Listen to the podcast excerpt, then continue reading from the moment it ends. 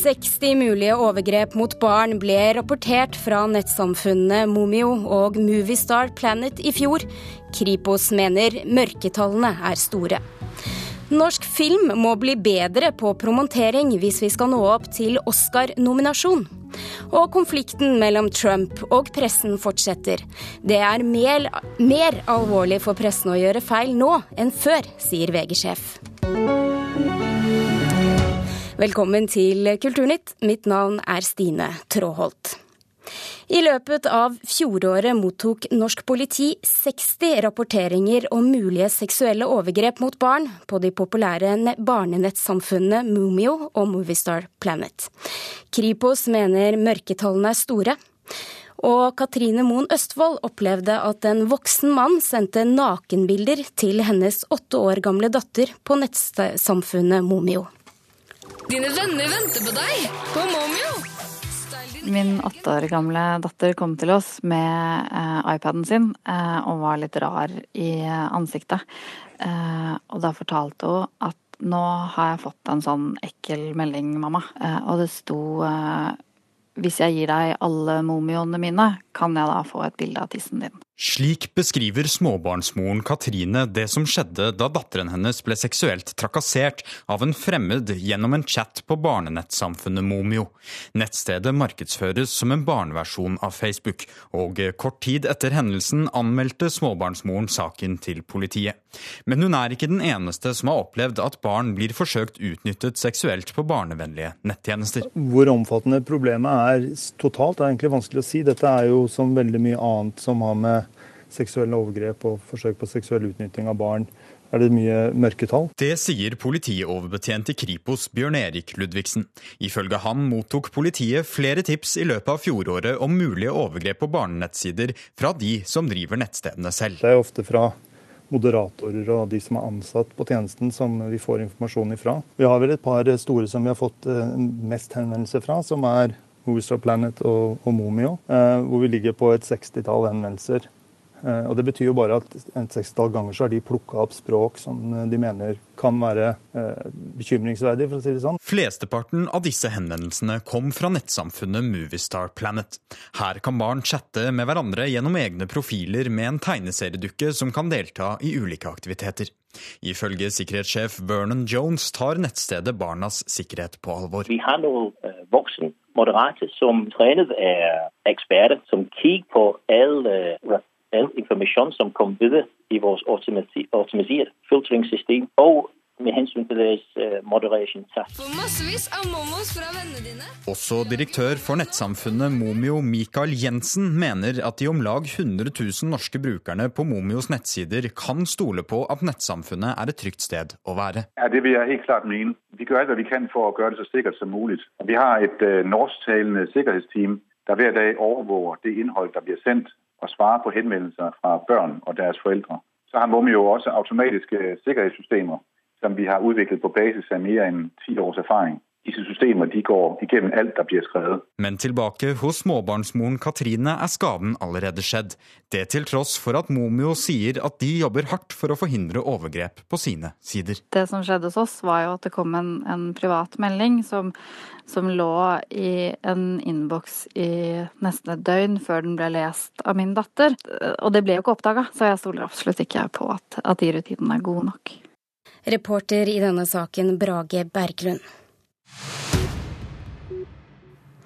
Kongens nei nådde ikke opp til en Oscar-nominasjon. Det gjorde riktignok den svenske filmen En mann ved navn Ove og den danske filmen Under sanden. Siden 2010 har danskene vært Oscar-nominert fem ganger, og til sammenligning har Norge vært nominert én gang. Bransjen selv mener vi har mye å lære av våre nordiske naboer, og at lave promonteringsbudsjetter er grunnen til at vi ikke når opp til toppen. Har du hørt om svensken, dansken og nordmannen som ville bli nominert til Oscar? Det gikk slik. Dansken fikk én nominasjon. Danmark er nicht ihr Freund. Svensken fikk to. Det er forbudt å kjøre bil i det området. Men du kanskje ikke kan lese svenske skilter? Jo, det kan jeg, men er du blind, kanskje? Er det jeg som kjører? Og nordmannen Deres Majestet, fremmede krigsskip er på vei inn i ytre del av Oslofjorden. Han måtte klare seg uten. Men hvorfor ble det sånn? Erik Poppe, som har regi på filmen 'Kongens nei', mener penger til promotering er avgjørende. Vi har ikke så mye som vi gjerne skulle likt å ha til dette her. Det er klart at Vi ønsker at Kulturdepartementet etter hvert eh, kan se muligheter for at man får gitt noen midler til eh, altså en større lansering. Fordi når vi står overfor de andre nordiske landene, så har vi et lite budsjett. Det er ikke helt riktig at de andre nordiske landene har mer penger til dette enn oss, men enkelte mener at de er langt bedre på det svenskene og danskene, som jo ikke er så mye større land enn oss, er, mye, mye flinkere. Danskene er jo mye frekkere. Det, det, det vet vi jo alle. Altså de, de, eh, de, er ikke beskjedne. Eh, og det er det heller ingen grunn til å være i en sånn sammenheng. Det sier filmkritiker Kjetil Lismoen. Synliggjøring i, i Hollywood handler om eh, å være til stede i publikasjoner, arrangere cocktailparties, altså kostnadskrevende ting. Filmprodusent Åge Aaberge sto bl.a. bak filmen Kon-Tiki. Han er ikke i tvil om at promotering er viktig, og ønsker at det blir gitt mer penger til dette. Jeg synes vel det at Når en norsk film kommer så langt som å bli shortlista til Oscar, så syns jeg at det norske tilskuddssystemet bør stille opp. For Det er en voldsom promotering av uh, hele vår kultur.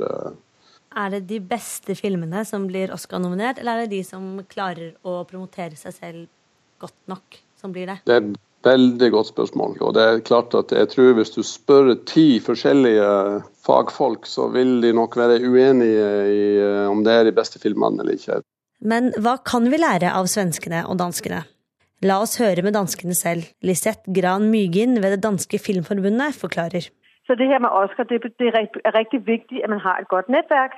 Og jeg ved, altså de danske producenter, som har haft Oscar-film nomineret, de bruger også meget tid på selv at rejse over øhm, og møde de her akademimedlemmer til visninger, snakke med folk øh, og hele tiden lave øh, visninger, hvor man deltager i sådan noget øh, Q&A, hvor man, der bliver stillet spørgsmål bagefter, og reporter Mari Sand Malm. Lanseringsdirektør Stine Helgeland i Norsk Filminstitutt, hvilket ansvar har dere på Filminstituttet for at norsk film promoteres så bra at vi blir Oscar-nominert? Nei, vi, jo, vi, gir jo tilskudd til produsenten til å kjøre Oscar-kampanjer. Og så hjelper vi dem med litt råd og tips om presseagenter, om hvordan ting fungerer der borte. Men det er jo produsenten som gjør Oscar-løpet med, med, da, tilskudd fra oss. Men er denne strategien fra deres side da god nok, når vi ikke når opp? Ja, altså det, kan, det er mange grunner til at man eh, når opp og ikke når opp. Eh, jeg vil bare si at eh, i forhold til våre danske og svenske kolleger, så får jo norske filmer omtrent det samme som, som dem til å kjøre en tilsvarende Oscar-kampanje. Ehm, og det, også, det, som også er, er at dette handler jo veldig mye om nettverk. Danskene har eh, holdt på lenger enn oss. De har mer erfaring i dette enn oss. Men vi er, norske filmbransjen er på vei. Det skjer veldig mye i LA nå. Norske filmskapere etablerer seg, bygger nettverk.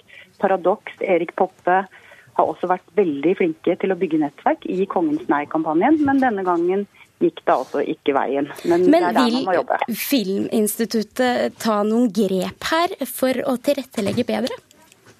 Vi kan sørge for erfaringsdeling. Vi vil i hvert fall invitere Stein Paa, produsent, og Erik Poppe til å komme og snakke med bransjen om hva de har gjort. For det handler om å dele nettverk, det handler om å dele erfaringer med hverandre for hvordan man får til dette.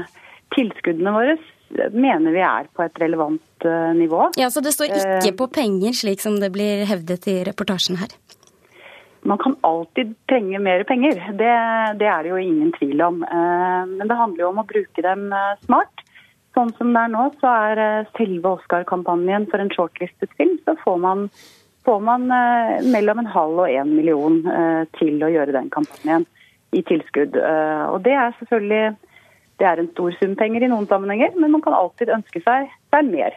Så, sånn som jeg tolker deg nå, så er det produsenten det står på, ikke eh, Filminstituttet, slik som du ser det?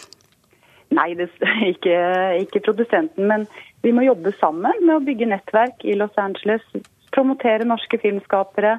Det handler om eh, et arbeid over tid, dette. Og det handler også i stor grad om tilfeldigheter. Eh, og jeg syns produsenten har gjort en veldig god jobb med 'Kongens nei'. Det var en dark horse og en outsider som ikke hadde festivaler bak seg. Som allikevel klarte å komme på kortliste, og det er helt fantastisk. Det må vi huske på. Og til slutt, hvor lang tid tror du det tar da, før vi når opp? Mm, vanskelig å si. Det kommer an på gode filmer. eh, Og det er jo der vi må tenke penger, kanskje. Mer penger til gode filmer. Det Tusen er takk. det viktigste. Ok. Tusen takk, Stine Helgeland, lanseringsdirektør i Norsk Filminstitutt.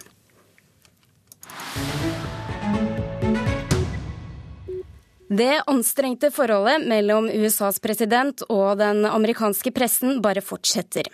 Kampen om hva som er falske nyheter, fakta og såkalte alternative fakta har de siste dagene vist seg å være knallhard. President Donald Trump sier at han nå i størst mulig grad vil komme til å kommunisere med det amerikanske folket direkte, og, minst mulig med, og med minst mulig involvering fra den tradisjonelle pressen.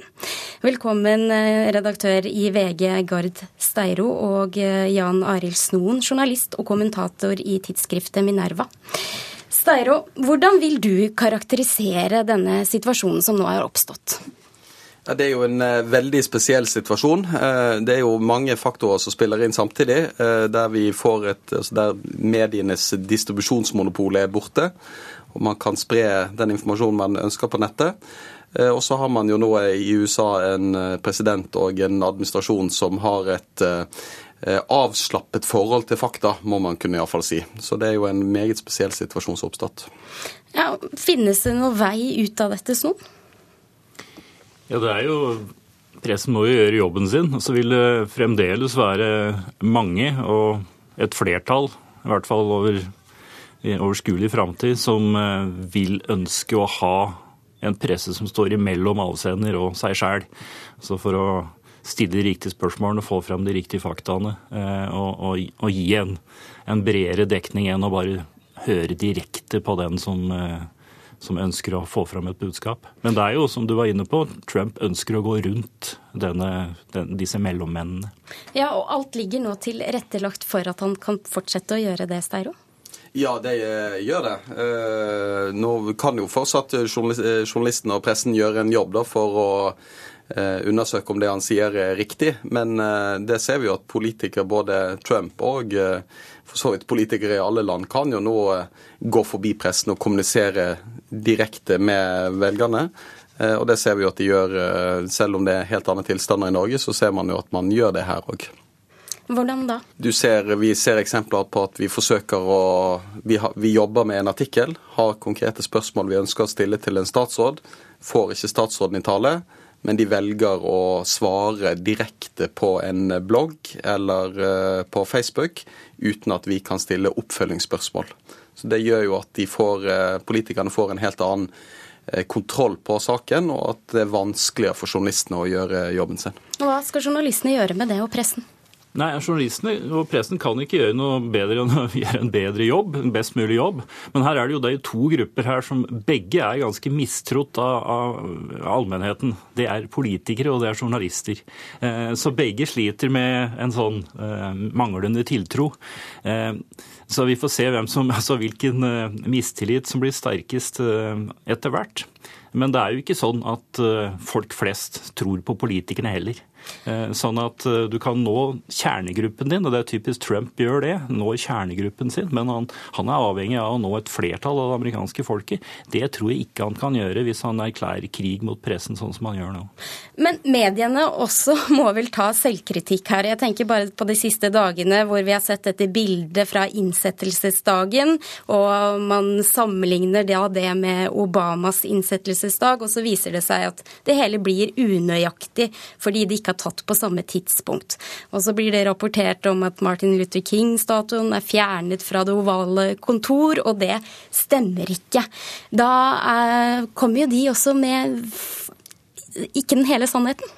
Ja, nå gjør du jo akkurat det samme som Trump gjør. da. Du, du omtaler mediene som eh, en sånn sekkebetegnelse og angriper alle. Altså, de, eh, Innsettelsen av disse bildene det henvises til, har jo blitt rapportert på ulikt vis, som ulikt presisjonsnivå i mange, i mange medier.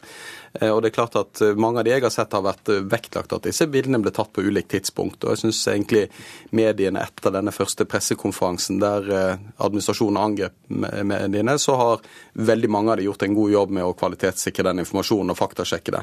Men det er klart at det som Snoren er inne på, tror jeg er helt viktig at journalistene må, altså det, det journalistene kan gjøre, og det mediene kan gjøre, er å gjøre en bedre jobb. Og jeg tror at presisjonsnivå i journalistikken vil bli enda viktigere framover. Man er nødt til å være presise, og man er nødt til å være transparente. Det tror jeg er det viktigste vi kan gjøre for å eh, stå imot eh, den trenden vi nå ser. Ja, du var litt inne på tidligere her eh, situasjonen her hjemme. Hva, hvilke grep tar VG når høstens valg kommer, når det gjelder fakta og påstander fra politikere? Ja, vi, har, vi, planlegger en rekke grep som er helt i planleggingsfasen. Vi ser jo at vi er nødt til å gjøre ting annerledes denne valgkampen uh, enn vi har gjort tidligere. Uh, men der er vi helt i planleggingsfasen. Det vi stresser mest nå, det, er et par ting som er viktige. For det første så ser vi at hvis vi er upresise Altså, det å være upresis er langt mer alvorlig, mener vi, enn det var tidligere. Så tror jeg at det er en ting sånn generelt så jeg tror mediene må bli flinkere til hvis man skal styrke troverdigheten sin. Og det er noe vi, vi har vært relativt dårlige på opp gjennom årene. Det er å erkjenne feil. Der har mediene for ofte, etter min mening, gått rett i skyttergravene. Om du har en god eller dårlig sak, så velger du ofte å, å forsvare både journalistene og, og eh, mediet. Eh, mens jeg tror at vi i lang sikt eh, styrker troverdigheten på å være innrømme flere feil og være transparente når vi retter dem. Tusen takk for at dere kom til Kulturnytt, Jan Arild Snoen og Gard Steiro. Klokken er nå 20 minutter over åtte, og dette er hovedsakene denne morgenen. I dag så starter høringen av dopingsaken mot Therese Johaug. Det er stor medieinteresse for saken, også fra utenlandske journalister. Johaug fikk i seg et forbudt stoff etter å ha brukt en krem mot solbrente lepper. Og to av tre nødnumre her i landet kan ikke ringes på låst mobiltelefon. Det kan skape problemer i en kritisk nødsituasjon, mener IKT Norge.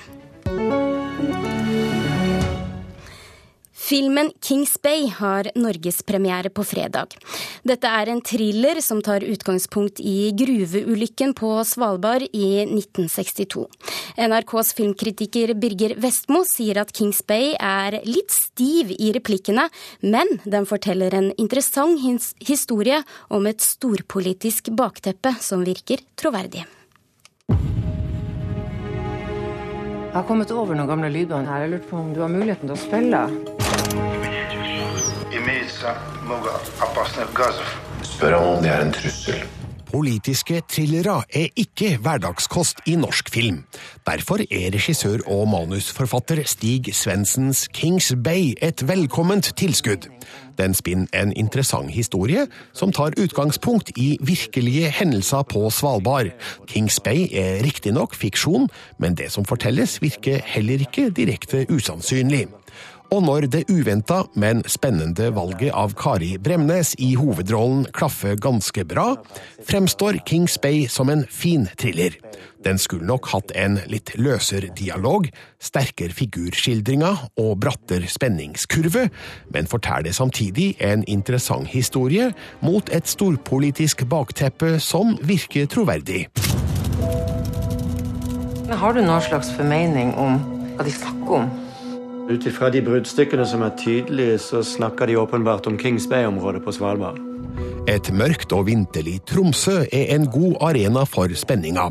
Bakteppet er imidlertid Kings Bay-ulykken på Svalbard i 1962, som krevde 21 gruvearbeideres liv og Felt-Gerhardsen-regjeringa. Harriet Hansen, spilt av Kari Bremnes, er nordlysjournalisten som kommer over noen gamle lydbånd, som antyder at gruveeksplosjonen ikke var en ulykke, men et resultat av en bevisst handling. Når Harriet og kollega Oskar Stokstad, spilt av André Sørum, begynner å grave i saken, forstår de at visse krefter ikke vil ha sannheten frem i lyset. Hva som foregår? Visste du at telefonen din er avlytta? Plottet som konstrueres, og den storpolitiske konflikten som tegner seg, er godt og forståelig fortalt. Det er kanskje mindre troverdig at det brukes såpass kraftige ressurser på å dysse saken ned over 50 år etter, men man godtar det for underholdningens skyld. Her blir det både sniking rundt hushjørna, avlytting, innbrudd og mystiske dødsfall, uten at det blir direkte spionparodisk. Hva i svarte satan er det dere har rota dere opp i? Kings Bay-ulykka i 62. Hva om det ikke var ei ulykke? Kings Bay har flere gode kvaliteter, der Kari Bremnes, Tromsø og fin fremdrift er noe av det beste. Spenninga peker svakt oppover mot et brått og litt skuffende klimaks, men filmen etterlater et inntrykk av å være en gjennomtenkt thriller basert på en historisk hendelse og en stadig aktuell tematikk. Derfor er Kings Bay verdt å se. Altså Hvis vi gir oss nå, så betyr det at deres metoder virker. Og da er det over. Terningkast fire. Og det var Birger Vestmo som anmeldte Kings Bay.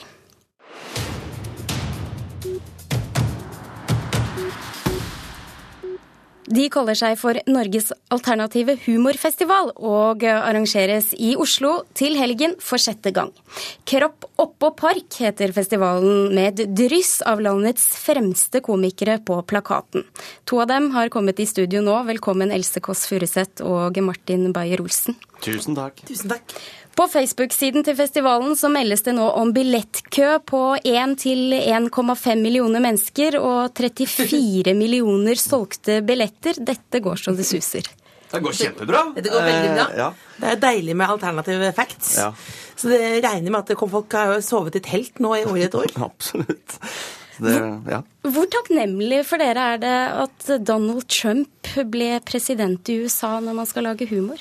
Eh, Det er litt takknemlig sånn at vi booker jo inn eh, utenlandske komikere, og da fortrinnsvis eh, amerikanske og britiske. Eh, og de amerikanerne vi har med nå, de håper jeg har med seg noe skyts som eh, vi kan le meget godt av. Det er jo synd å måtte si det, men det er ny giv. Eh, For sånn, det er jo mange skalla eh, komiske typer fra Amerika som har snakket mye om at det er nyskilt i noen år nå. Deilig at de får nå Trump. Det er synd at Trump er mot abort, men for min del så er det deilig at jeg merker at jeg begynner å ligne, ligne mer og mer på Trump.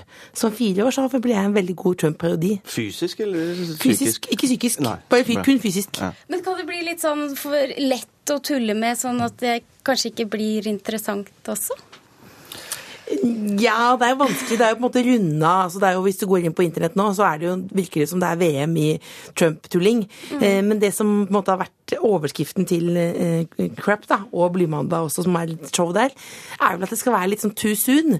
Så det er vel litt sånn Hva er det du ikke har hørt om Trump enda? Er det vel vi håper å få se, da. Du er inne på det, Blymandag. Vi snakker litt om det. Fordi det er en av disse forestillingene som faktisk er utsolgt. Eh, Det er et konsept som har betydd ganske mye for dere som komikere opp gjennom året. Forklar oss hvorfor. Martin, kan ikke du forklare, for du er hjernen her, vet det. Ja, eh, altså Blymandag er jo da en humortrypp eh, bestående av eh, meg selv, Else, Sigrid Kåss Furuseth, Henrik Thodesen, Odd Magnus Williamson og Morten Ramm, eh, som jo får lov til å holde på ennå. Eh, Og det var på en måte her det begynte, da, i eh, tidlig 2000-tallet, med veldig sånn undergrunnsshow. eh, En gang i måneden. Lagde tull og fjas. Og konseptet er da at man møtes dagen før, eh, diskuterer eh, hardt og lenge, ikke så veldig hardt egentlig, og så er det rett ut på scenen. Det begynte jo dessverre eh, for deg, Martin, da det kostet 20 kroner når da det begynte. Og da ble folk veldig veldig sure da det kostet 50. Nå koster det dessverre litt mer, men nivået på humoren er akkurat den samme. Ja, det er undergrunnshumor, men nå har dere blitt etablerte eh, komikere alle sammen. Det er mye som har skjedd siden 2000. Hvordan klarer dere å ta vare på den Det er jo den, den, den gleden av der Det er jo der man kan være så tullete og barnslig og drøy som man vil. Fordi det er jo dessverre begrensninger på riksmedia, at hva man får til å holde på med. Men der, der kan vi gjøre hva vi vil. Og det skal jeg love deg, det blir dumt. Et eksempel? Et eksempel, I går så var det en ganske kraftig diskusjon da Sigrid og jeg diskuterte et innslag som nesten ikke kan røpe, da hvor det, ble, hvor det var fare for anmeldelse. eh, Og ikke da eh, an- Dagsavisen-anmeldelse, men politianmeldelse. Og da er jo eh, Sigrid og Morten Ramm og sånn er jo ikke bare gønn på. Jeg som konfliktsky har jo ikke sovet i natt. For jeg er veldig bekymret da for liksom politi eh, fra Manglerud politistasjon skal komme der. Så det er der det ligger nesten, da. Men det viktigste er jo eh, for guds skyld at det er morsomt, da. Så det er en liten falsk, falsk sannhet at dere ikke bare planlegger dagen før, da, som du sa. Jo, planlegger i går, ja. Planlegger i går. Ja, Ja. i går. Det skal jo i kveld. Det er i kveld. Ja, det er i kveld. Ok. Dette er i kveld. Okay. ja, men Det var godt å få oppklart i det. Dette, er dessverre helt sant. Dette er kvelden for. Dessverre. Ok, og denne festivalen den eh, starter da i morgen og varer eh, helgen ut. Tusen takk for at dere kom i studio, Else Kåss Furuseth og Martin eh, Beyer-Olsen. I dag så ble det kjent hvem som blir ny Melodi Grand Prix-programleder. Og det er Line Line Elvåshagen som skal lede årets Melodi Grand Prix sammen med Kåre Magnus Berg. Elvåshagen er mest kjent for å date Norge og for å reise jorda rundt uten penger i regi av NRK P3. Og i starten av februar blir det kjent hvilke artister som skal konkurrere om å representere Norge. Og eh, finalen den sendes 11. mars på NRK. Kulturnytt eh, i dag nærmer seg slutten. I dagens sending så har du fått høre at eh, 60 mulige overgrep mot barn ble rapportert fra nettsamfunnet Momio og Moviestar Planet i fjor. Kripos de mener at mørketallene er store. Og norsk film må bli bedre på promotering hvis de skal nå opp til Oscar-nominasjon, mener kritiker.